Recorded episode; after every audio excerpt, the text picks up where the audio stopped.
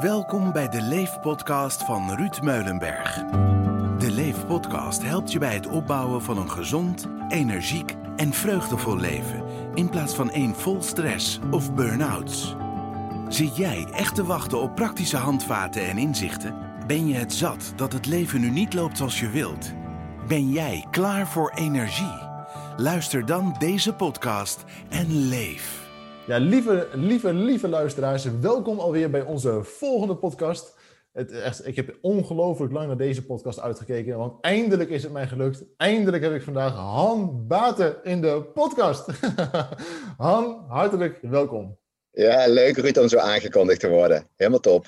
Mocht je Han nog niet kennen, wie, wie kent Han niet, hè? maar Han Baten, de grote man achter uh, Bewegen voor je brein. Uh, daar kunnen mensen je van kennen. Maar wat mensen je met name van kennen natuurlijk, is dat je ook coach bent bij, bij Meulenberg Training en Coaching. Ja, nou, ik denk dat meer mensen mij ondertussen kennen van Bewegen voor je Brein en van LinkedIn. Maar ik ben wel heel blij om bij jullie team erbij te, te zijn, uh, Ruud. En dat, uh, dat wil ik voorlopig ook zo houden. Ik ben heel blij dat je erbij bent. Hè? Zeker met je expertise op, op het gebied van bewegen en ademhaling. Ja, dus inspanning en ontspanning. Ja, zo, zo makkelijk kan het eigenlijk zijn. Nou, zijn we klaar dan. ja, als zolang dat allebei duidelijk aanwezig is uh, en dat op een goede manier uh, aandacht krijgt, nou, dan wordt de kans op het ontwikkelen van een burn-out al een stuk kleiner. Nou, daar gaan we het dus even over hebben. Hè? Ook over stress en burn-out. Uh, en de rol van bewegen ervoor. En daar zit natuurlijk een hele belangrijke oorzaak achter. ik ben zelf ooit eens gymleraar geworden. Hè? Dus de, de, mijn, mijn liefde voor bewegen zit erin. En we hanteren ook de bergmethode binnen ons bedrijf. Wat staat voor? Bewegen, eten, rust en gedrag. En, en de B van bewegen, die willen we graag vandaag eens even dubbel, dubbel dik onderstrepen. En wie had ik daar beter voor kunnen vragen dan handwater? Ja, en de R van rust, en daar zit de ademhaling weer gekoppeld. Dus die pakken we ook mee, de B en de R. Weet je ook nog iets over gedrag en over eten? Want daar zijn we gelijk helemaal... Daar weet ik helemaal niks van. Zullen we gewoon dan, dan, wordt het een, dan wordt het een podcast van drie uur. Dat lijkt me een beetje overdreven. Ja, ja dan moeten we opgeknippen. Ja. ja. waarom, waarom, ik ga gewoon naar jou, ik heb zelf die methode ja. ooit eens uh, verzonnen, maar uh, we zitten daar heel erg op één lijn. Hè? En jij weet er nog veel meer vanaf dan, dan ik. Maar waarom bewegen we eigenlijk met mensen met, uh, met burn-out? Ja, sowieso natuurlijk omdat het, uh, omdat het lekker is. En dat lekker, dat de meeste mensen die bewegen, die weten dat le bewegen lekker is. Maar die weten niet dat er een hele wetenschap achter schuil gaat. Uh, achter, ja, wat gebeurt er dan precies in het lijf? Hè? De, alleen het eindresultaat kunnen ze waarnemen in zichzelf. Goh, ik voel me lekker na het bewegen. Uh, nou, en, gelukkig is het, is het nog meer dan alleen maar lekker. Het is echt, door bewegen zet je echt die hele farmaceutische industrie tussen je oren zet je aan. En dan hebben we het niet alleen uh, over dopamine, serotonine en endorfine, maar zeker ook over BDNF. En dat is een stof die veel mensen nog niet kennen. Je ziet het al steeds meer in artikelen gebruikt worden. En BDNF uh, is een afkorting voor Brain Derived Neurotrophic Factor. En je zou het kunnen vergelijken met als je je plantjes goed wil laten groeien, dan doe je er wat pokon bij. Of bij de bloemen was dat altijd. Hè? En uh, de, de BDNF, BDNF is echt de pokon voor je hersenen. En dat is een van de redenen waarom, uh, waarom we gaan, gaan lopen met klanten. En liefst een beetje matig intensief, zoals de beweegnorm voorschrijft. Want dan krijg je, wordt die BDNF-pomp extra aangezet. En die helpt onder andere een deel in je hersenen te weer te herstellen. Je hersenen zijn gelukkig plastisch, dus als daar schade is, kan het hersteld worden. Uh, mag ik de diepte ingaan, Ruud? Even een klein stukje. Het, het is echt geweldig, want kijk, als je het op YouTube kijkt, hè, de luisteraar op dit moment, het is echt geniaal. Han heeft niks voorbereid. Die gaat hier zitten, er gaat een aanknop aan. En die, man, die, vervolgens, die schudt daar een paar volzinnen uit zijn mouw, alsof het allemaal niks is. Maar laat, neem ons mee, Han. Doe, ja, nou ja, je hersens, daar is natuurlijk steeds meer bekend over. Dus uh, dat is ook wel heel boeiende materie. En er is een deel in je hersenen die is verantwoordelijk voor je informatieverwerking. Hè? Dus de, en als je het hebt over korte termijn geheugen, als je het hebt over de concentratie, daar is een heel belangrijk onderdeeltje in je hersenen, eh, is daar verantwoordelijk voor en dat noemen we de hippocampus. En dat deel van je hersenen is ook verantwoordelijk voor de rem op je stressas, de HPA-as ook wel genoemd. Nou, dus die hippocampus is best wel een belangrijk onderdeeltje in je hersenen. Nou, nou blijkt dat uh, chronische stress, die gepaard gaat met hogere cortisolspiegels, dat uh, je hersenen niet zo heel blij zijn met die hoge cortisolspiegels. Want cortisol is een neurotoxische stof. Dat betekent dat, uh, dat het voor je neuronen toxisch is. Dus wat je ziet, en dat zie je zelfs op de hersenscans, is dat mensen met chronische stress, en dus langdurige chronische stress, dat er een aftakeling, een letterlijke aftakeling plaatsvindt in je hersenen. En met name je hippocampus, die zie je schrompelen. Hè? Die zie je op een scan dat die kleiner is. Nou, dat is altijd wel uh, schrikken voor klanten. Als ze dan denken, shit, uh, ben ik daarom zo vergetenachtig en kan ik me daarom zo slecht concentreren? En dan kijken ze me wanhopig aan van, komt dat nog wel goed? En dan zeg ik, nee, dat komt nooit meer goed. Tot zover de geruststellende coach. Geruststellend met een lach natuurlijk. En, uh, maar uh, gelukkig is, is die hippocampus ook heel plastisch. Dus die neuronen die afgetakeld zijn of zelfs afgestorven zijn, gelukkig kunnen die weer aangroeien en bijgemaakt worden. Maar dan moet je er wel goed voor zorgen. Ten eerste moet je zorgen dat die cortisol omlaag gaat, want anders blijft dat een, een, een ziek milieu voor die neuronen. En je moet er nog wat, uh, wat Pokémon bij doen. En dat is die BDNF, die is daar ideaal voor. Dus hoe meer BDNF, hoe sneller dat herstel van die hippocampus. Dus dat is echt een heel interessante stof in deze materie. Kijk, er zijn nog uh, bij, uh, voor de luisteraars die het nog niet weten, ze hebben laatst onderzoek naar gedaan hoeveel veranderingen in je bloed zijn waar te nemen als je gaat hardlopen. Dat zijn er maar liefst 500 stofjes die veranderen. En er zijn ook een hele, een hele batterij aan neurotransmitters. Hè. De, de, de, bekende, die noemde ik al even. Hè. Je hebt dan de, endorfine, eh, de serotonine en de dopamine. Die worden ook extra gevormd. Bij serotonine is het goed om trouwens te weten dat binnen vijf minuten uh, hardlopen ontstaat er meer serotonine. En serotonine is de snelste anticortisol-remmer.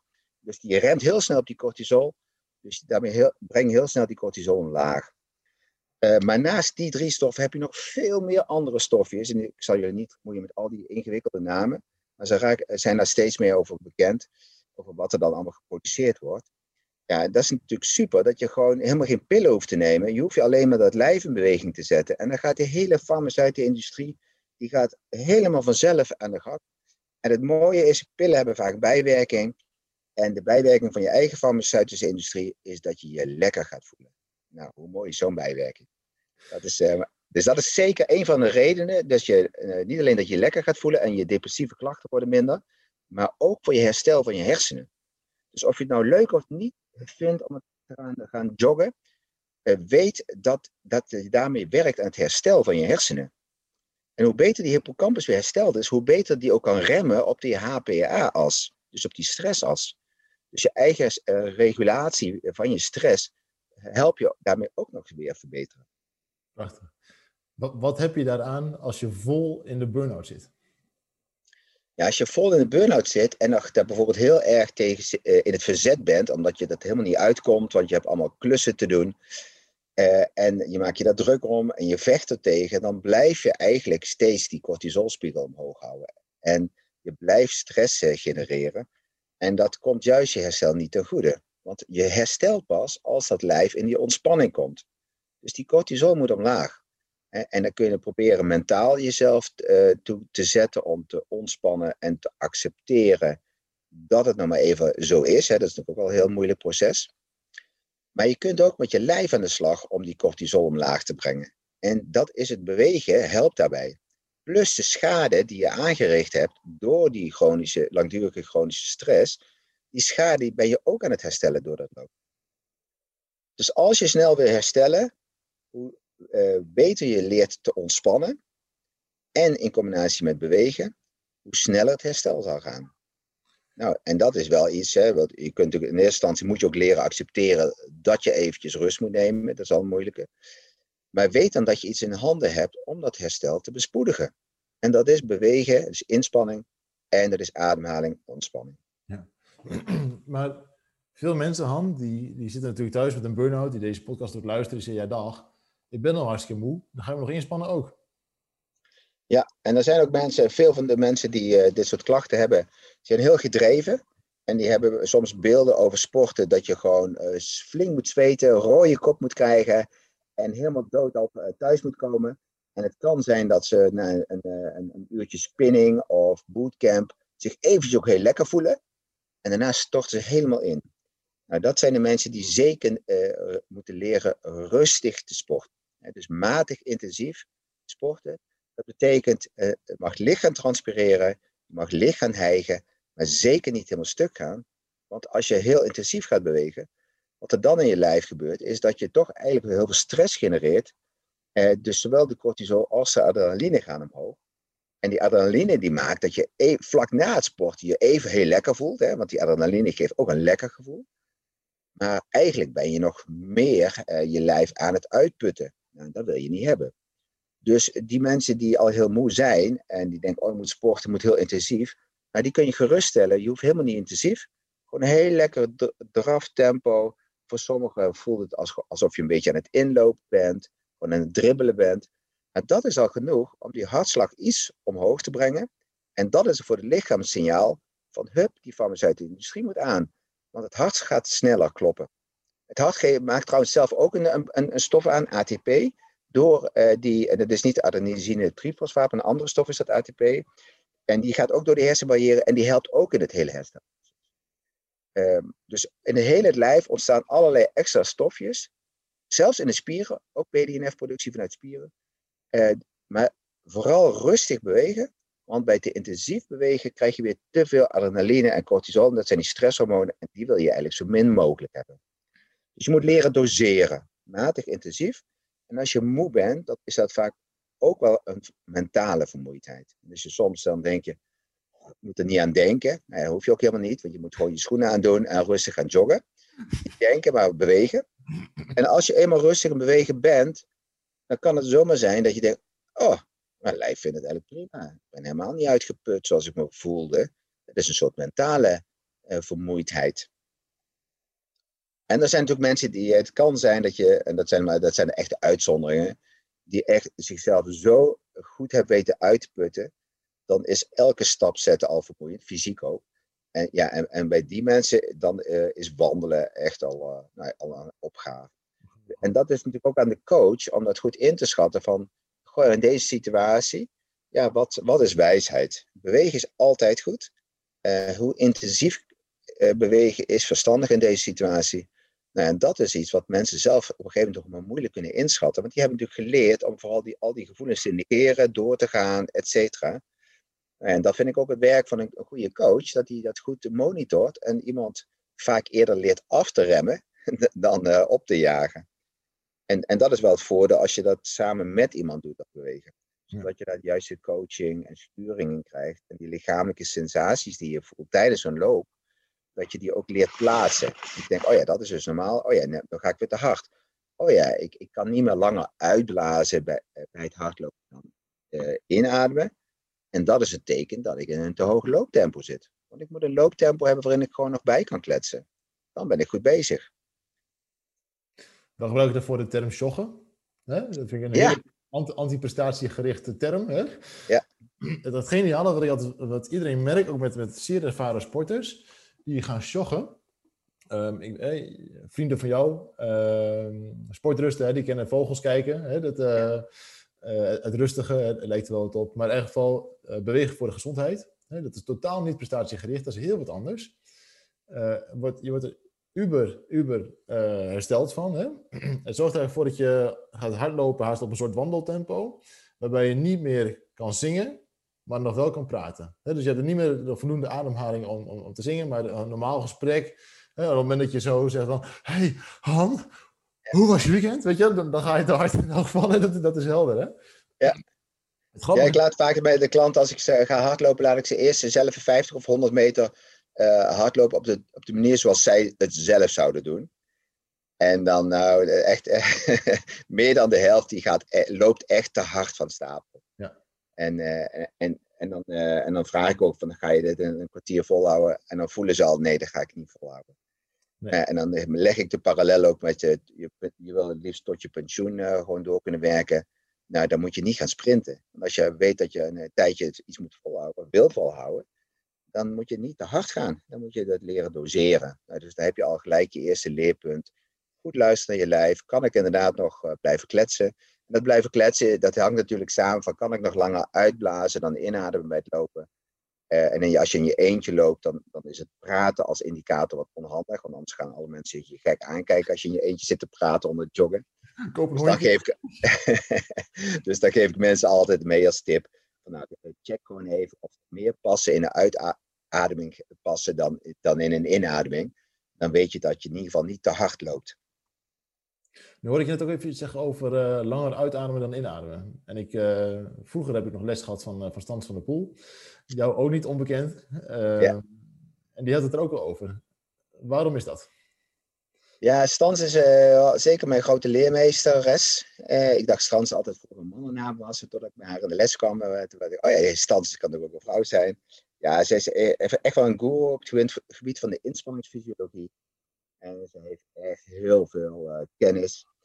En uh, Koen de Jong van Sporters is ook bij haar in de leer geweest. Dus alle kennis van hem die hij goed heeft weten te weg te zetten in allerlei boeken. Die komen uiteindelijk van haar kennis. En Stans is er, ja, die, die weet superveel van ademhaling en hartslagvariabiliteit.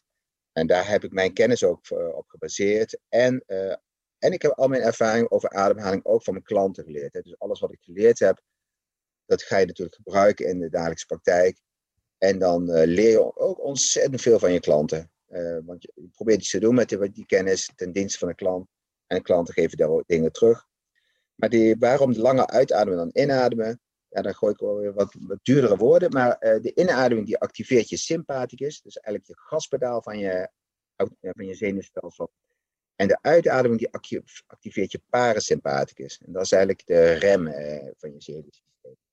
Dus alles wat jou helpt om langer op die rem te duwen, dat helpt jou vertragen. Dus richting je ontspanning te brengen. Uh, mensen die roken bijvoorbeeld, ja, roken is echt supergoed voor je ademhalingstechniek. Ten eerste ga je langzamer ademen en je gaat langer uitblazen met het zo even lekker lang uitblazen. Uh, dus voor je ademhalingstechniek top. Maar natuurlijk niet, dit is niet het advies om te gaan roken. Want roken is natuurlijk echt, echt dodelijk voor je longen en de rest van je lijf. Uh, maar dat is natuurlijk wel ook de reden waarom uh, rokers daarin heel veel ontspanning voelen. Die zijn heel gestrest, gaan eventjes buiten met andere rokers eventjes een, een, een time-out pakken. En gaan hun ademhaling even resetten. Middels rustiger ademen en met name langer uitblazen. Dus rokers hebben dat uh, zonder dat ze weten. En ze denken dat het door de sigaret komt, die ontspanning. Maar grotendeels komt het door een andere ademhalingstechniek die ze toepassen. Uh, mensen die zingen, die ervaren ook altijd dat zingen heel ontspannend werkt. Ja, hoe komt dat? Zingen doe je, kun je alleen op je uitademing. Dus als je gaat zingen, ben je heel lang aan het uitademen. Dus heel lang die parasympathische activiteit aan het activeren. Dus je zet heel lang die rem op je systeem waardoor je ontspant. Nou, en dan, wat zegt Stans dan? Wat is nou een normale ademhaling? Want de ademhalingsoefeningen die zijn er niet bij Stans. Uh, het, het, is gewoon een kwestie van weer normaal ademhalen.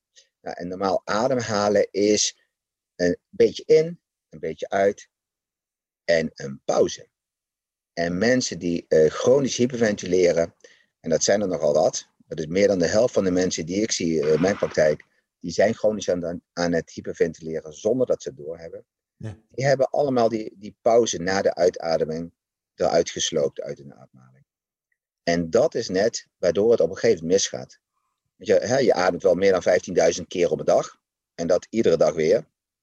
En als je dat structureel net iets verkeerd doet, ja, dan krijg je heel interessante gegevens. Maar je zou het kunnen vergelijken met heel fijn zand wat je in de motor van, van je auto gooit. En heel langzaam gaat op een gegeven moment overal ergens wat kraken en piepen enzovoorts. Stans heeft daar een mooi boek over geschreven. Dit is helaas volgens mij niet meer te verkrijgen. Uh, zij zegt zelfs dat uh, langdurige chronische hyperventilatie bij de een uitmondt in een burn-out, bij de ander in fibromyalgie, bij de derde in het chronische vermoeidheidssyndroom. En dan heb je er nog eentje, uh, de ME, ook dat. dus die vier verlegenheidsdiagnoses, dat noemen we even zo, in de medische wereld kunnen ze niks vinden bij al deze uh, vier uh, uh, diagnoses. Maar er zijn wel degelijk echt serieuze klachten. Dus dat is daar is de medische wereld ook wel over uit. Van ja, dat, dat, mensen hebben klachten. Maar onder de microscoop kunnen we niks aantonen. En dat heeft te maken dat je structureel het hele systeem net wat onderuit haalt. door die verkeerde ademhaling. Want doordat je net die uit. Is het nog de bolwerken, Ruud? Want ik, ik blijf het. Uh, Han. ik loop ondertussen nog zo'n lijstje bij te houden van de dingen die ik nog wil vragen. Maar die lijst is nog steeds langer, eerlijk gezegd. ja, wat, wat, wat er gebeurt in, als je die pauze niet hebben in die, in die ademhaling. Hmm. In dat stukje pauze, daar kan het koolzuur wat je uitblaast bij de uitademing. Dat te veel uitgeblazen koolzuur, dat kan in die pauze weer terugstromen. En dat is een heel interessant gegeven, want mensen denken koolzuurgas is een afvalgas, hup, dat moet het lijf uit. Dat is maar voor de helft waar. Voor de andere helft is koolzuurgas eigenlijk het belangrijkste gas in jouw bloed om je pH op die constante 7,4 te houden. Dat varieert tussen 7,35 en 7,45 en dat komt heel nauw, dat evenwicht in je bloed, die zuurgraad. En als je dat verstoort door structureel te veel koolzuur weg te blazen, dan verandert je zuurgraad en dan ontregelt in het hele lijf overal kleine dingetjes. Dus, dus, daarom die vergelijking met zand in de motor. Dan is er niet echt iets te vinden. Het hele lijf heeft daar last van. En als je dat maar lang genoeg doet, hè, een paar maanden of een paar jaar, met die verkeerde ademhaling die je niet eens door hebt, ja, dan ben je gewoon je hele lijf langzaam onderuit aan het halen. En als je dan volgens, als je niks doet met die ademhaling, om die weer te normaliseren, dan kun je praten als brugman en met een psycholoog in gesprek gaan. Maar als die verkeerd blijft, die ademhaling, dan is het echt een beetje dweilen met de kraan open. Het, het lastige vind ik altijd van ademhaling. Ademhaling zou eigenlijk autonoom moeten zijn. Als je s'nachts in, in bed ligt, dan moet je niet negen keer per minuut wakker worden van adem in en adem uit. Klopt, ja, ja, klopt. Dus eigenlijk zou het iets moeten zijn, en ik heb het natuurlijk over een hele ideale wereld, maar zou het iets moeten zijn waar we ons niet druk om zouden moeten maken? Klopt, en je moet je er zeker ook niet druk om maken, want dat slaat weer op je ademhaling. waar komt dan die stap naar chronische hyperventilatie vandaan? Ja, hele goede vraag. Kijk, het is heel biologisch gezien heel functioneel. Hè? Want als jij gestrest bent, dan is er iets waar je voor op moet passen. Hè? Dus je, je hele lijf komt in een stand van alertheid. Hè? In, de, in de vechten-vluchtenstand. En eh, wat gaat er dan gebeuren in je lijf? Lijf maakt zich klaar eh, voor de actie. Dus je hartslag gaat iets omhoog, je bloeddruk gaat iets omhoog, je, hart, je ademhalingsfrequentie gaat iets omhoog. En de ademhaling zelf gaat omhoog. Puur om je lijf klaar te maken voor dat moment dat er iets moet gebeuren. Nou, helemaal functioneel, super functioneel. Alleen als er geen fysieke actie komt en je continu in die stand staat, ja, dan gaat het op een gegeven moment wringen. Want uh, inspanning en spanning is helemaal niet erg als er maar weer een moment komt van ontspanning. Dus jouw lijf staat continu op aan in die alertheidsstand. Die ademhaling die is dus iets versneld. Die pauze is eruit. Maar er komt geen ontlading, geen fysieke activiteit. Dus dat is even een bruggetje naar het eerste onderwerp. Dat is ook een reden waarom het zo belangrijk is om te bewegen. Want even moet die spanning ook eruit. Die moet gebruikt worden, namelijk voor beweging. En dat is dat joggen. Maar als dat uitblijft, dan blijft het lijf niet spanning. En dan gaat het lichaam op een gegeven moment denken, dit is het nieuwe normaal. Dan heb je in de corona merk je ook al allerlei nieuwe normalen waar je sneller went binnen een jaar. Vind je heel veel dingen normaal. Iemand gaf mij laatst een hand. Ik schrok me helemaal de ja. dus zo snel wen je aan het nieuwe normaal. En, uh, en het met die ademhaling geldt dat ook. Dus als het lijf op een gegeven moment denkt, dit is normaal ademhalen. En uh, dan is er is een, een, soort bimetaal in je hersenstam en je ademcentrum. Die reageert op je koolzuur. Hè? Dus die geeft steeds een prikkel op grond van je koolzuur. Hij reageert niet zozeer op kom ik zuurstoftekort, maar hoe staat het met mijn koolzuurpeil? En dat uh, bimetaal dat zou, je, zou je kunnen vergelijken met de thermostaat. Hè? Die thermostaat die wordt langzaam iets opgedraaid en dat wordt het nieuwe normaal.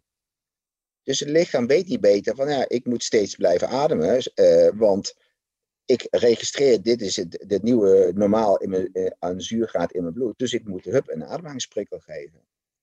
Dus je moet daarom ook echt investeren in die ademhaling. Want uh, het lijf denkt dat die chronische hyperventilatie de normale ademhaling is waar die de hele dag door en de nacht door mee gaat. Ja, want wanneer spreken we van chronische hyperventilatie of van hyperventilatie? Ja, nou in rust is hij normaal tussen de 8 en de 12. als je een beetje gaat mediteren, ontspanningsoefeningen doet, dan kun je ook makkelijk met zes ademhalingen kun je uit. Maar de meeste mensen uh, hebben tussen 8 en de 12 als gewoon lekker rustig op de bank zitten. Uh, bij 15 uh, hanteer ik als breekpunt. 15 en hoger heb ik van Stans geleerd. Ja, dan is er werk aan de winkel. En dan 15 en hoger spreken we van chronische hyperventilatie. En dan hebben we het over de het aantal ademhalingen. Dus ik laat mensen dan één minuut gewoon hun inademingen tellen. Want de in- en uitademing samen tellen voor één ademhaling. Nou, die laat ik ze dan gewoon gedurende een minuut uh, tellen. En dat getal, want ze weten toch niet uh, wat normaal is. En dan zeggen ze, oh, ik had er twintig. En dan vraag ik, ja, hoe voel je? Ja, heel rustig, ontspannen. Ja. en dan weet, ben ik blij, denk ik, yes, we hebben een heel mooi aanknopingspunt om jou te helpen. Ja. Want als jij aan de slag gaat met je ademhaling, dan ga je je zoveel relaxter voelen. Dan ga je die kraan dichtdraaien, dan is het niet meer dweilen met de kraan. En als jij weer gaat ontspannen door rustiger te ademen en die pauze te laten vallen na je uitademing, ja, dan komt jouw lichaam in die ideale situatie om eindelijk te herstellen van die maanden of jaren dat jij die accu langzaam hebt leeggetrokken. Ja. Want om die accu op te laden, moet je even, ja, dan moet je geen lekkende kraan hebben. Dan moet je niet allerlei systemen aan hebben staan. Hè. Dan vertel ik tegen mensen van ja, goh, als je accu van de auto leeg is en je zet hem aan de druppellader, maar je bent even vergeten je airco en je groot licht en je radio uit te zetten. En dan ben je verbaasd dat die accu niet maar niet oplaadt. Ja, dat is logisch, want er zijn andere systemen die het uh, ondertussen steeds uh, gebruik te maken van die energie. Ja. Dus het is echt een energielek als mensen daar niks meer aan de slag gaan. En ik ben nog verbaasd nog steeds hoeveel mensen dan bijvoorbeeld bij een andere hulpverlener lopen, bij een psycholoog. En dan als ik dan vraag, goh, hebben, hebben ze ook naar je ademhaling geïnformeerd? Of hebben ze naar gekeken? Of eh, is het een onderwerp geweest? En dan is het gewoon geen onderwerp geweest. En dan weten ze ook niks van hun eigen ademhaling. En hebben ze niet eens door dat ze gewoon zitten te hyperventileren zijn. En dan kijken ze mij wat verbaasd aan dat 20 veel te hoog is. Ja, en dan denk ik, oh, dus hier is echt een wereld te winnen. Mooi hè? Je had het net even over zenuwstelsel. In hoeverre speelt dat mee met, met ademhaling en bewegen?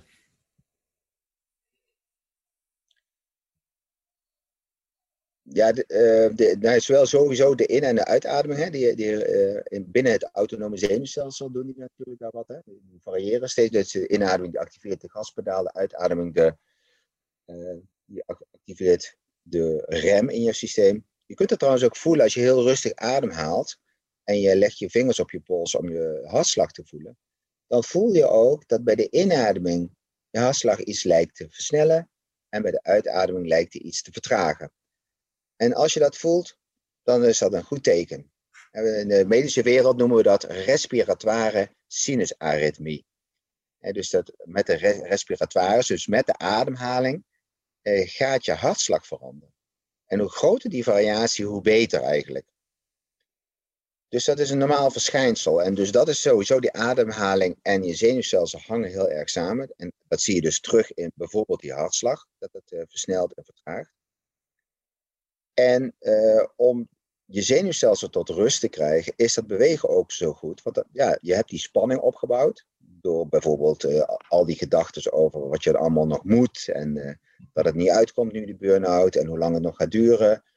Ja, al die stressgenererende gedachten, die zijn natuurlijk niet helemaal niet handig, want die zetten je zenuwstelsel steeds op scherp. En daarmee ook je hele lijf op scherp. Nou, en als je gaat bewegen, dan kan dat systeem eindelijk die spanning een beetje kwijt. Want daar is hij alleen maar mee bezig. Hij is zich aan het opladen voor beweging. Ik vergelijk dan wel eens bijvoorbeeld zo'n zo'n klein speelgoedautootje van vroeger. Die moest je zo opbinden. En ja, er zit er lekker spanning op de autootje. Maar pas als je hem dan op de grond zet en eventjes zijn ding laat doen. Op een gegeven moment is hij uitgerold. En dan staat hij stil. Nou ja, dat doen wij ook met joggen. Hè? We laten ze even joggen. En uh, op het moment, uh, dan is het genoeg. En dan kun je pas beter ontspannen. En daarmee kan ook pas eindelijk dat zenuwstelsel tot ontspanning komen. Een kritische vraag, Han. Een kritische vraag. Um, we hadden het even over het zenuwstelsel. Dat raakt natuurlijk niet zomaar overbelast. Moeten we dan niet bezig... Ik weet ook niet of het zenuwstelsel overbelast raakt. Je zet het steeds aan eigenlijk. Hè? Ja, je gewoon die, je hebt een soort, dat noemen we dus een, dan een sympathicus dominantie. Ja. Dus je gebruikt vooral die gaspedaal steeds. En ik denk niet dat het. Ja, ik, eh, ik heb me er niet zo in verdiept, maar ik denk niet zozeer dat het zenuwstelsel uh, overbelast wordt. Het raakt wel wat over, overprikkeld, in ieder geval overgevoelig. Je, je, hoort het vaak, mensen hebben dan ook, kunnen niet meer tegen geluiden. Hè, met het zenuwstelsel is super scherp afgesteld, want die is continu bezig met gevaar traceren. Het geluid, elk geluidje hoor je, en daar heb je natuurlijk wel last van, omdat er al zoveel geluiden zijn. Maar dus ik denk dat het... oh, noem het onbalans of overprikkeld, hè, maar we snappen wat ik bedoel. Er wordt meer gas gegeven als dat er geremd wordt. Hè? En dat, het, het, is niet een normale auto waar je gas en remmen tegelijk doet. Hè? Het is echt, ja. het moet in balans zijn. Maar kunnen we niet beter bezig met de oorzaak van dat iemand alleen maar gas aan het geven is? Tuurlijk. En, en, dat, en, en dat is heel divers. Hè? Dat begint natuurlijk tussen de oren. Want je maakt je druk over iets, of je bent bang voor iets. Dus dat zijn allemaal gedachten. En in al die gedachten zitten allerlei patronen natuurlijk. Gedragspatronen, denkschema's, uh, uh, ja, hoe je het ook wil noemen. Dus daar moet je ook aan, mee aan de slag. Want anders blijf je jezelf aanjagen met al die gedachten. Dus gedachten, daar begint het wel mee. En vanuit die gedachten, want wij zijn ook de enige diersoort die met die gedachten zichzelf kan visualiseren in een leeuw naar een leeuw toe die er niet is. Hè. We kunnen eraan denken en dan kunnen we daar we kunnen denken aan de afspraak van morgen en we ons druk over maken. Terwijl er nog helemaal geen afspraak is. En het uh, natuurlijk mooie uitdrukking, het wordt nooit morgen. Nee. nee. Alles wat je kan verzinnen gaat niet gebeuren. ja, je kunt negen scenario's bedenken en je druk over maken. En dan blijkt er het tiende scenario uit. Dus, uh, en het is, maar het is wat te makkelijk gezegd van ja, je moet je niet zo druk maken. Hè? Maar het is natuurlijk wel, er zit ook een kern van waarheid in. Uh, het begint wel tussen je oren dat jij uh, allerlei dingen denkt en, en niet bewust, maar die, dat ontstaat.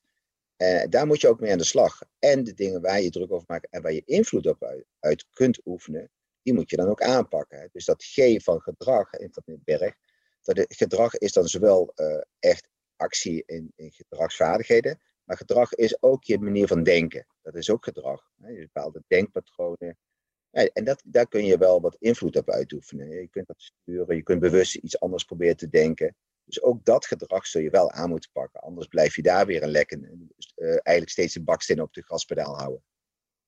Maar waarom gaan we dan toch bewegen met mensen, als dat eigenlijk de oorzaak is? Ja, omdat de, het symptoom van die, spa, die spanning moet er wel eerst uit, uh, uit dat lijf. Uh, dus er zijn een aantal redenen. De, je wil dat die hersenen herstellen zodat je ook die stress kunt verminderen, zelfbewust met je hippocampus. Dus dat is de reden wat ik toen straks noemde, door te bewegen, maak je die stofjes aan zodat die hersens herstellen. Ten tweede raak je die spanning kwijt die je had eh, in je lijf. En er zit natuurlijk een wisselwerking, want net stel ik die manier van denken, die doet iets met je lijf, hè, die brengt het in spanning. Maar de omgekeerde weg is er ook.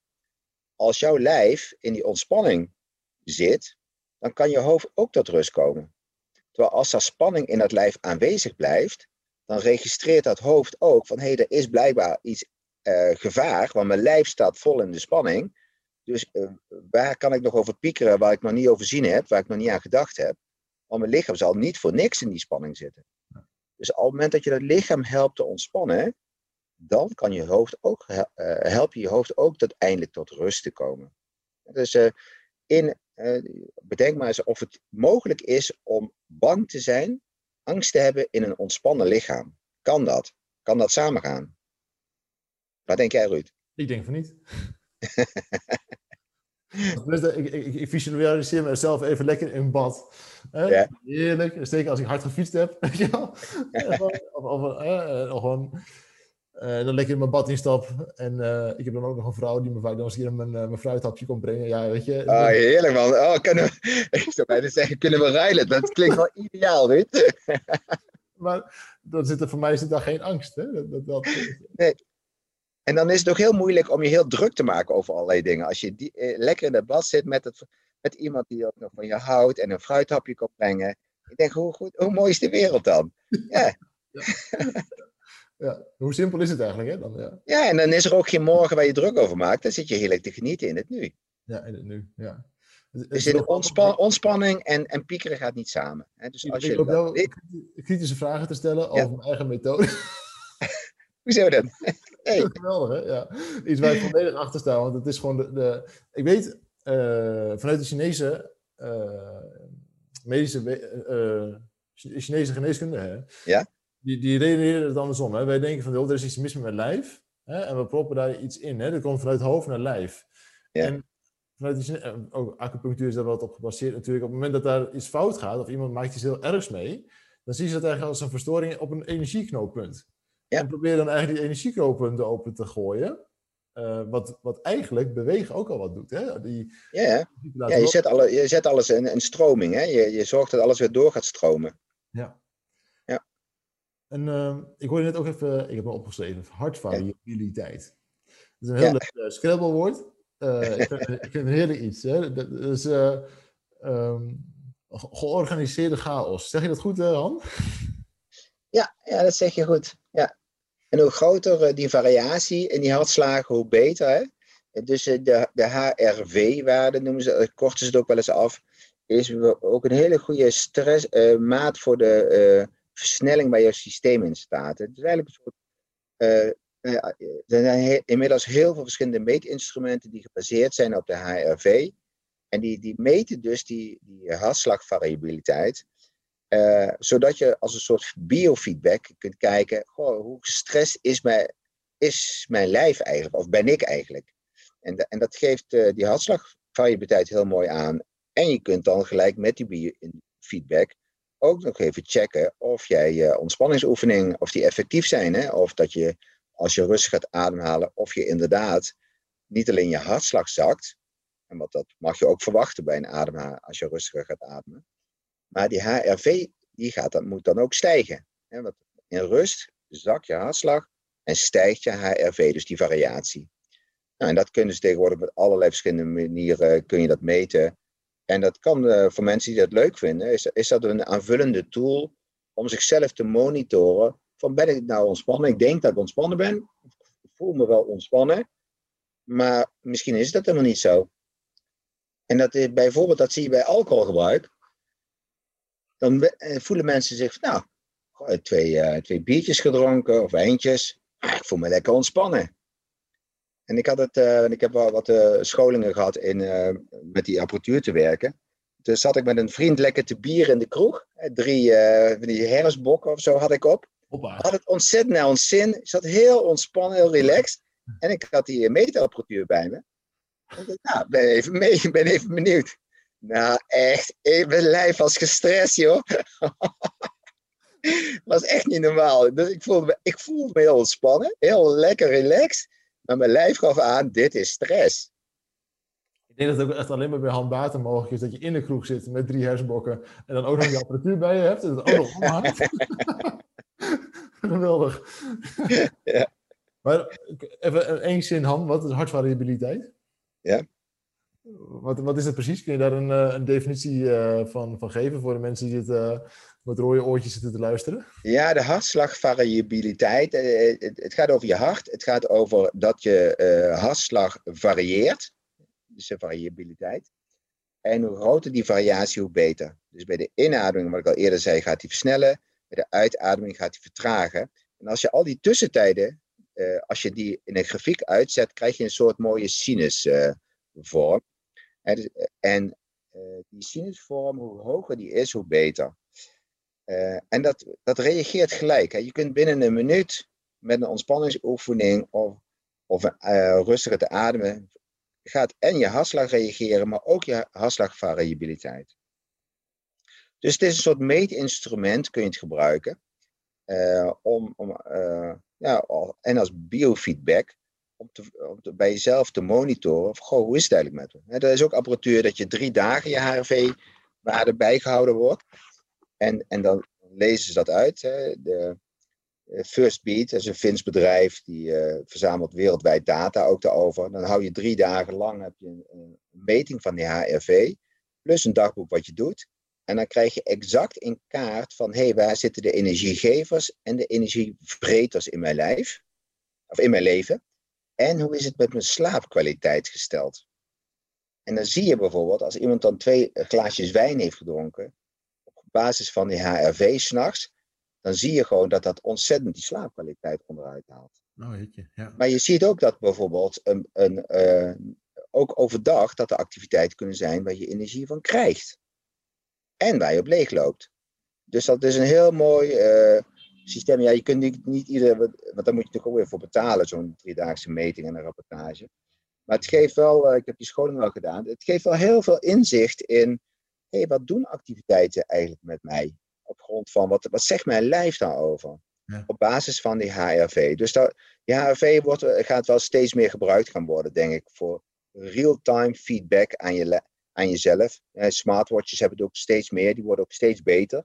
Eh, die uh, smartwatches die dan niet alleen je hartslag monitoren, maar ook je HRV. Is altijd natuurlijk wel wat gebrekkig. Een borstband uh, meet het exacter.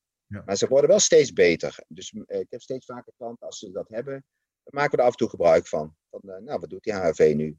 En hoe was je nacht eigenlijk? Hè? De nachtkwaliteit op grond van die HRV. Dus ik kan me wel voorstellen dat we steeds meer naartoe gaan om daar gebruik van te maken. Om op die manier ja, eigenlijk jezelf een soort biofeedback te krijgen op wat, wat zeggen de meetinstrumenten eh, jou over je, je slaapkwaliteit en over eh, je huidige ontspanning of juist gestrestheid. Prachtig. Dus hoe kleiner je variabiliteit, dus te ongezonder het is. Hè? Klopt, heel goed begrepen. Ja. Dat is toch gezonder, hè? Ja. ja, mensen die in narcose zijn bijvoorbeeld, dan is die HRV gewoon helemaal laag. Dan is die eruit uit. Hmm. Dan, dan, als iemand een hartslag heeft dan van 60, dan zit er inderdaad ook tussen elke uh, hartslag precies één seconde. Uh, en de meeste mensen zeggen, ja, dat hoort toch juist? Nee, dat hoort juist niet. je hoort juist variatie te krijgen. Het lijf houdt van variatie. Prachtig, hè? Nu hoor ik laatst iemand zeggen van, uh, eigenlijk zijn wij als mensen haast het enige wezen dat leeft, dat denkt dat we de hele dag door kunnen racen. als je een, een, leeuw die ligt de hele dag onder de boom, hè, in de schaduw, denkt, op een gegeven moment denkt hij, nou, ik heb honger, ik, ik vang een gazelle, weet je, vreet hem op, ik ga weer onder mijn boom. Ja. En wij denken eigenlijk een soort van, nee, nee, nee, we kunnen de hele dag door gazelles vangen. ja. Ja, en, en, en je wordt natuurlijk heel erg erin gestimuleerd, hè? want je moet het maximaal uit je leven halen en je, je beste versie van jezelf worden en al die mogelijkheden die er zijn. Uh, en dat is wel grappig van die corona, moet ik je eerlijk zeggen. Je wordt natuurlijk heel erg gesnoeid in, in je drukke leven, een aantal mensen, ik zelf ook. En, uh, en ik heb zelf op grond van mijn eigen biofeedback wel gemerkt, wow, mijn lijf is wel rustiger geworden door, die, door dit jaar corona. En wat, ik was ook wel bezig om het optimale en het liefst het maximale uit mijn leven te halen. En nu is het echt wel wat, nou ja, saaier of rustiger, hoe je het ook wil noemen, geworden. En mijn, uh, mijn zuurstofsaturatie geeft uh, echt wel aan van, jee, Anne, je bent nou eindelijk uh, in wat rustiger vaarwater gekomen. ja, hoe, hoe meet je dat dan? Ja, ik, je, je, hebt voor een paar tientjes kun je dus een meter, metertje kopen, die zet je aan je vinger. En, en na een aantal seconden geeft hij aan zowel je hartslag, maar zeker ook je zuurstofsaturatie. En, en, die, hoor, en die gebruik ik eigenlijk altijd even om te checken of iemand echt wel of niet chronische hyperventilatie heeft. Mhm. Want bij chronische hyperventilatie, dan is die zuurstofsaturatie te hoog. Kijk, meestal gebruik je die metertjes om te kijken of iemand te weinig zuurstof in zijn, in zijn bloed heeft. Hè. Dus dan is het onder de, onder de 94, hè, dan denk je, hé, hey, wat is hier aan de hand? Dus normaal is het tussen 94 en 98, de, de, maatstaf. Uh, en ik, uh, uh, ik en vele anderen gebruiken hem juist omgekeerd. Als hij 99 of 100 is, dan is hij te hoog. En dan denk je, ja, is toch mooi, hoe meer zuurstof in je bloed, hoe beter. Nee, je wil het niet in het bloed hebben, je wil het in de weefsels hebben. En wat is nou nodig om die zuurstof van die hemoglobine, hup, die weefsels in te krijgen? Ja, daar is koolzuur voor nodig. Want de koolzuur die, die, eh, die concurreert met die zuurstof op de hemoglobine. Dus die duwt als het ware die zuurstof er vanaf, zodat hij de weefsels in kan. En bij, we hadden net straks al hadden bij de chronische hyperventilatie, heb je eigenlijk te weinig koolzuur, want je blaast te veel af. En dat zie je dus terug in de zuurstofsaturatie. Nou, en ik zat altijd, hè, met, eh, dus ik zeg al, tot en met 98 is prima, 9900 waarschijnlijk chronische hyperventilatie. En ik zat eerlijk gezegd, ik zat vaak, schommelde die bij mij tussen de 98 en 99. Ik dacht, dat ga ik aan niemand vertellen, want dat betekent dat ik zelf ook een beetje gestrest ben. Ja, dat is natuurlijk niet zo, geen verkooppraatje. Dus sinds het afgelopen half jaar ben ik echt, uh, denk wow, hij gaat echt, uh, bij mij is hij nou gewoon tussen de 96 en de 98 gewoon structureel. Dus ik ben blijkbaar echt uh, toch relaxter geworden door, door die corona. Is je leven ook veel saaier, Han, of niet? Nee, daar niet eens. nee, grappig, hè? Ik, ik heb het zelf uh, gemerkt op het moment dat wij naar, naar Frankrijk verhuisden. Ja. Uh, ook omdat we hier gewoon op het platteland wonen en, en, je gewoon niet even snel iets kan halen bij de winkel. Uh, wat, wat dat al heeft gedaan met mijn nachtrust. Hè, dus het feit dat je alles beter moet plannen, want de winkel is gewoon, gewoon 20, 30 minuten verderop. Hè? Ja. of dichterbij en dan betaal je het vijfvoudige per product. Hè? Dus een broodje, dat kan heus wel, maar als je elke dag je boodschappen gaat doen, dan ben je aan het eind van de maand letterlijk arm. Hè? Um, maar het, het, het rustige leven, het, het, um, je zit ook in een omgeving hier nu, en dat speelt natuurlijk ook mee, een, een, omgeving die ook denkt van ja goed, je rent me de hele dag aan eind door, maar uh, wij doen er niet aan mee. Doe toch wat met je, Ja, de omgeving is zeker bepalend, ja. Dat helpt wel heel erg, ja. Ja. Je bent ook niet voor niks daarheen vertrokken. Hoe bedoel je Toch? Nou, ik denk dat, dat je ook wel aanvoelde van zo'n rustige omgeving. Dat, daar zal ik wel uh, prettiger bij voelen. Ja, ja zeker. En, en, en, voor mij is dat ook een connectie met, uh, met de natuur. Uh, ik, ik, heb een groentetuin, dus ik voel mezelf helemaal boer. Maar, ja, mooi. Hoe, waar is je liefde eigenlijk voor, voor ademhaling en bewegen ontstaan, Han? Is dat zomaar ergens, ergens gekomen? Of hoe, ja, bewegen heb ik altijd wel gehad. Hè. Uh, maar dat heeft ieder mens eigenlijk wel, denk ik. Uh, alle kinderen bewegen graag. Ja. Dat ben ik gewoon niet kwijtgeraakt, dat is het meer. Uh, en omdat ik altijd wel gevoeld heb, hey, ik voel me na het bewegen lekkerder dan voor het bewegen. Nooit geweten waarom. Ja, goed, daar heb ik me later even in verdiept. dus dat is een wel belangrijke factor, dat, dat ik het gewoon dat ik me er lekkerder bij voel. En de ademhaling, weet ik niet meer precies, maar het, het grappige is wel, ik heb ooit zes jaar nog eens uh, diergeneeskunde gestudeerd na mijn gymnasium. En uh, pas nadat ik een aantal jaren bij standsopleiding had gedaan en actief was met die ademhaling, toen herinner ik me ineens dat ik tijdens mijn studie diergeneeskunde bij de inspanningsfysiologie ook een, een, soort van werkstuk had gemaakt over hyperventilatie. Was met een dierexperiment met honden. Die, die werden dan in een bak met water gezet, zodat ze moesten door blijven trappelen en op een gegeven moment wel gingen hijgen. En toen hebben we die hyperventilatie in kaart gebracht. Denk, wow, toen was ik blijkbaar al mee bezig tijdens die studie. Uh, was dat al op mijn pad gekomen en vond ik dat heel interessant. Maar waar dat specifiek uit voorkomt. Ja, ik, ik vind het wel, als je, het hebt, als je met mensen werkt met stress en burn-out klachten en je gaat voorbij aan de ademhaling, dan vind ik dat net zo'n kunstfout als dat je voorbij gaat aan hoe is je, is je nachtrust eigenlijk. He, hoeveel uur slaap je? Wat is de kwaliteit van je slapen?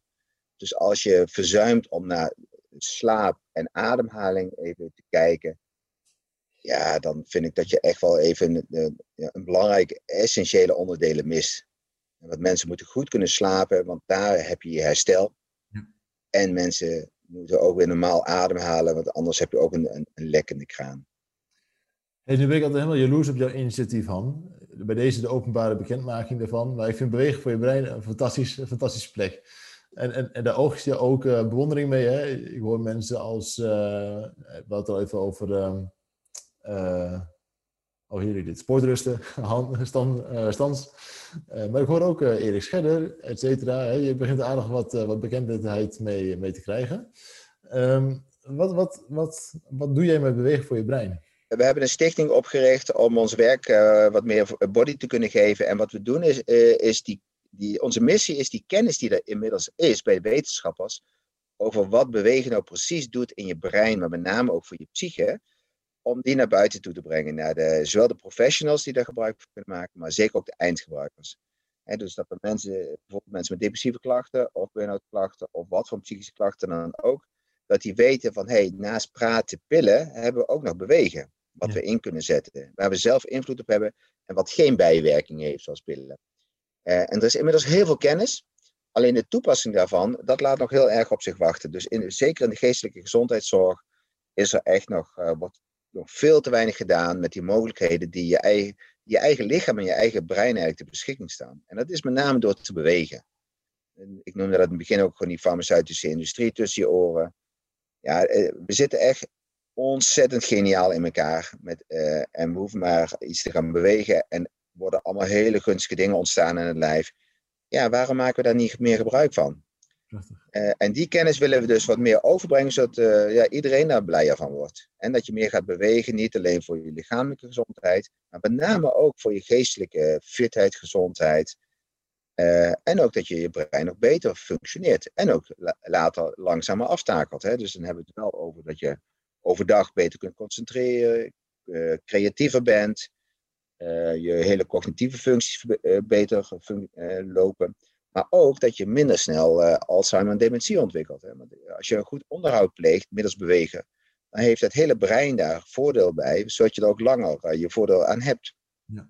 Nou, dat is zo'n beetje de, de, missie van onze uh, stichting. En dat doen we met een website, social media kanalen, verzorgen van webinars. en op die manier willen we die kennis naar buiten brengen. Dat in een nutshell. Ja. Prachtig, hè? Maar het, het, is zo breed. En weet je, we hebben veel te kort, veel te weinig tijd om daar... We kunnen er uren over, over kletsen. Maar... Ja, ik dacht dat het over de, alleen over de ademhaling zou gaan vandaag. Oh, Anders had ik twee uur gereserveerd, uh, Ruud. het, het, grappige is alleen wel natuurlijk, hè, want eh, daar ben ik altijd ook heel erg voor... Um, om dingen heel praktisch te maken. Hè? Een van onze pijlers van de club is eenvoud. Eigenlijk zo dat mensen er zo mee aan de gang kunnen. Dat dat vanuit het wetenschappelijke uh, teruggevoerd kan worden naar het praktische. Want er zitten ook mensen die zitten nu op deze podcast te luisteren en zeggen, oké okay, Han, uh, sowieso dat je zo'n initiatief begint, laat zien dat je een enorme passie hebt voor dit, voor dit, voor dit onderdeel. Maar ik heb termen gehoord waarvan ik nog nooit eerder heb gehoord. Hè? Hartvariabiliteit, was dat dan? Maar vertel me nou eens, wat moet ik nou vandaag gaan doen? Kun je die mensen een beetje helpen, Han? Ja, uh, samen met iemand, uh, uh, zodat je nou ja, het gewoon gaan joggen. Hè, de, wandelen is al prima, joggen is beter. Ja. En dus gewoon met iemand gaan joggen. En liefst met een coach die jou kan helpen om het juiste tempo te vinden. Nou, en dat is natuurlijk waar, waar onze coaches ook op gericht zijn, om te zorgen dat je niet te hard van stapel loopt. en dat je dat leert doseren. nou, ik denk dat dat er gewoon al begin is. En iedereen kan hardlopen. iedereen kan joggen. En we zijn natuurlijk geboren hardlopers, kan ik ook nog een uur over vertellen, eh, hoe dat evolutionair komt. En waarom die koppeling er ook is. Hè. Er, is eh, er is evolutionair ook een hele logisch verhaal waarom uh, onze hersenen zo reageren op dat joggen. En waarom we daar ons prettiger bij voelen, waarom ons geheugen daardoor beter wordt, et cetera, et cetera. Dus andere podcast nog leuk, uh, Maar dus het gewoon gaan joggen, wat we eigenlijk van origine natuurlijk deden, jagers en verzamelaars, uh, om dat gewoon te gaan doen. Wandelen en joggen. En, en ja, als je niet in een rolstoel zit, dan kan iedereen dat. Ik meen dat ik laatst Erik Scherder hoorde zeggen, als je een uur hebt gezeten, dan moet daar hoe dan, hoeveel moest je dan ook weer bewegen? Ik ben het even kwijt. Ja, schrik, ja, schrik niet. Bij een half uur moest je al vijf minuten zitten. Of eh, bij een half uur zitten moest je vijf minuten bewegen. Als je een uur aan het zitten was, dan moest je een half uur al gaan bewegen. Ja, ja. Heftig, hè? Om de schade die ontstaat door gewoon stilzitten, om die weer teniet te doen. Ja, schrikbarende cijfers zijn dat. En dat is uit wetenschap, hè? Dus, uh, en wij zitten nou al een uur, hè, Ruud? Dus mijn tweede podcast van vandaag, Han.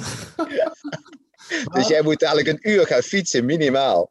Ik heb vanmorgen al 2,5 uur gefietst. Dus ik heb, ik heb... Waar denk je anders dat die scherpte vandaan komt? ja, precies. Ja, heel goed. Ja, maar nou moet je straks... Jij denkt, ik, ik kan gewoon uh, van tevoren al betalen. Hè, door van tevoren te sporten, dan kan, ik, dan kan ik gewoon heel lang blijven zitten. Ja, maar toch is dat niet helemaal waar. Hè? Dus ik, ik denk dat het goed is om straks nog even in je groentetuintje wat te bewegen. Zo, wat, uh, wat de, de oogsten voor het eten. Dan heb je nog wat een beweging en dat compenseert weer het zitten van die twee uur podcasten. Zo is het, hè? Maar stel iemand wil hiermee beginnen. Hè? Stel iemand zit, die begint zich nou, zeker naar deze podcast natuurlijk echt van te realiseren van, ik, ik beweeg te weinig. En die, die slaat stel achterover, oh, ik heb vandaag acht uur gezeten op mijn werk, joh. Hè? En uh, we hebben ook een podcast met, met Roberto. Hè? Sommige bedrijven zitten heel slim de koffiemachine op de derde verdieping, dat is dan gezond. Hè? Maar dat is natuurlijk uiteindelijk, daar zit, daar zit de kern niet. Hè? Het is ook gewoon het bewust worden dat dat bewegen gewoon cruciaal is. Ja. A, voor je gezondheid, maar daarbij ook voor stress en, en burn-out. Hè? burn-out ook gewoon preventief. Waar, waar moet iemand beginnen? Is dat, is dat... Ja, wat heel, heel laagdrempelig is natuurlijk, wat Erik Scherder ook uh, gerealiseerd heeft met het Ommetje. Dat is zo'n app van, uh, van Hersenstichting. Om mensen aan het wandelen te zetten. Dus wandelen kan natuurlijk bijna iedereen. Het is heel laagdrempelig. Dus als je al start met dagelijks 20 tot 30 minuten te wandelen, en liefst in een wat pittiger tempo, en niet slenteren, maar gewoon 20 tot 30 minuten stevig doorwandelen. Uh, en dat mag je dagelijks doen. Daar hoef je niet uh, twee dagen van te herstellen, de meeste mensen. Dat is al een mooi begin. En als je dat wat gaat uitbreiden, als je merkt, oh, dat gaat me makkelijk af, dan stukjes gaan joggen erbij. Nou, dan ben je nog beter bezig. En dus dat is uh, waar mensen al gewoon mee kunnen starten. En dat is waar natuurlijk ook de overheid heel erg op aanstuurt. Ga, ga nu naar buiten, ga wandelen. Uh, dus dat, zelfs het ministerie heeft dat advies nou uitgebracht. Hè. Ik zag het laatst in social media kanalen voorbij komen. om het wandelen te stimuleren in het kader van mentale gezondheid. Omdat natuurlijk het aantal mensen met depressieve klachten en stressklachten op dit moment schrikbarend toeneemt door de hele corona-toestand.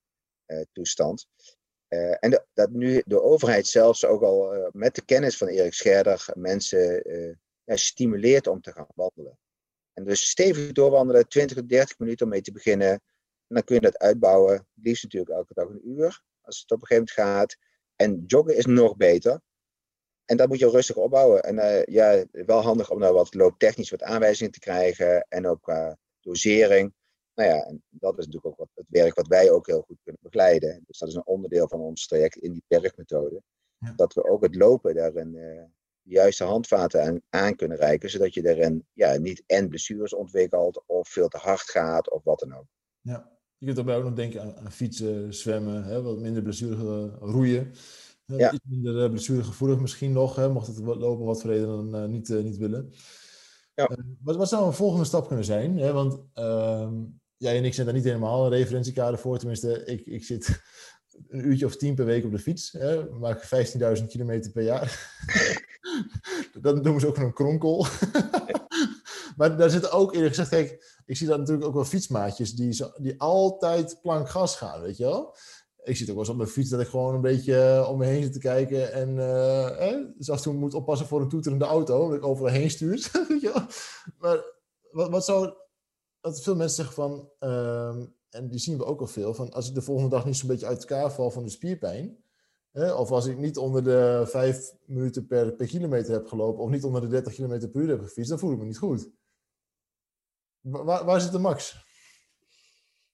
De max? Nee, dat niet goed voelen, dat is omdat je dan uh, eens zo'n stemmetje hebt die daar alle ideeën over heeft, over wanneer is het goed dus uh, het leren uh, genieten van uh, gewoon lekker buiten rustig joggen.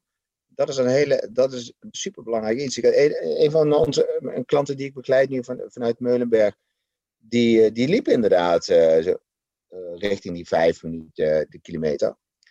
En die heb ik gewoon leren. We zijn nu gewoon een uur, omdat hij gewoon op zich wel best fit was. Een gast die de helft van mijn leeftijd is. En we zijn nou gewoon een, dan zijn we een uur aan het zwerven, aan het joggen door de bossen. En vorige week zei hij nog tegen mij: Het is gewoon een volledig andere sport die ik ontdekt heb. Ik geniet gewoon van in de natuur zijn en ik voel me daarna gewoon lekker. En voorheen was het altijd gewoon met snot voor mijn ogen tot in het rood, eh, uitgeteld zijn. Wel voldaan gevoel omdat ik die prestatie geleverd had, maar daarna ook gewoon niks meer kunnen. En nou, ja, ik voel me gewoon lekker ik heb nog wat over. Ik, ja, zo totaal niet te vergelijken alsof hij een andere sport ontdekt had. Ja. Nou, hoe mooi is dat? Uh, het grappige is, um, dat zie ik ook vaak gebeuren bij onze klanten. Uh, op een gegeven moment beginnen mensen aan een bepaalde sport. En ervaren daar de eerste uh, instantie heel veel ontspanning in. Hè? fietsen, je, je, komt ergens, hè, mountainbiken, je ziet veel. Maar op een gegeven moment, dan wordt die sport, dan wordt, er komt een stukje prestatiegerichtheid bij. Hè? Dan moet er wat bereikt worden. Al heb je maar onder de 30 gefietst, dan doe je eigenlijk niet mee met, met de uh, fietsmaatjes.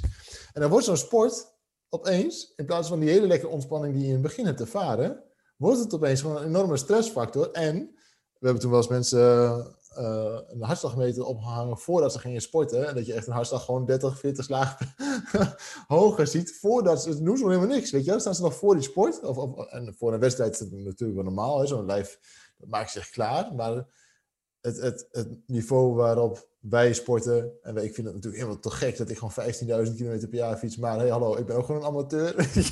maar het niveau waar wij op sporten, dat is bedoeld om gezond van te worden. Ja. En prestatiegerichte, dat hoort er eigenlijk helemaal niet bij. Want wat, wat wil je ermee bereiken dan? Precies. En dat is iets wat, uh, wat mensen vaak wel uh, ook, ook teruggeven. Dat dat ook een ontzettende verrijking is. Dat ze daarvan afgestapt zijn. Dat het niet meer prestatiegericht is in, in tijden of afstanden die ze voor elkaar hebben. Maar dat ze hebben leren genieten van het proces, van het moment van bewegen.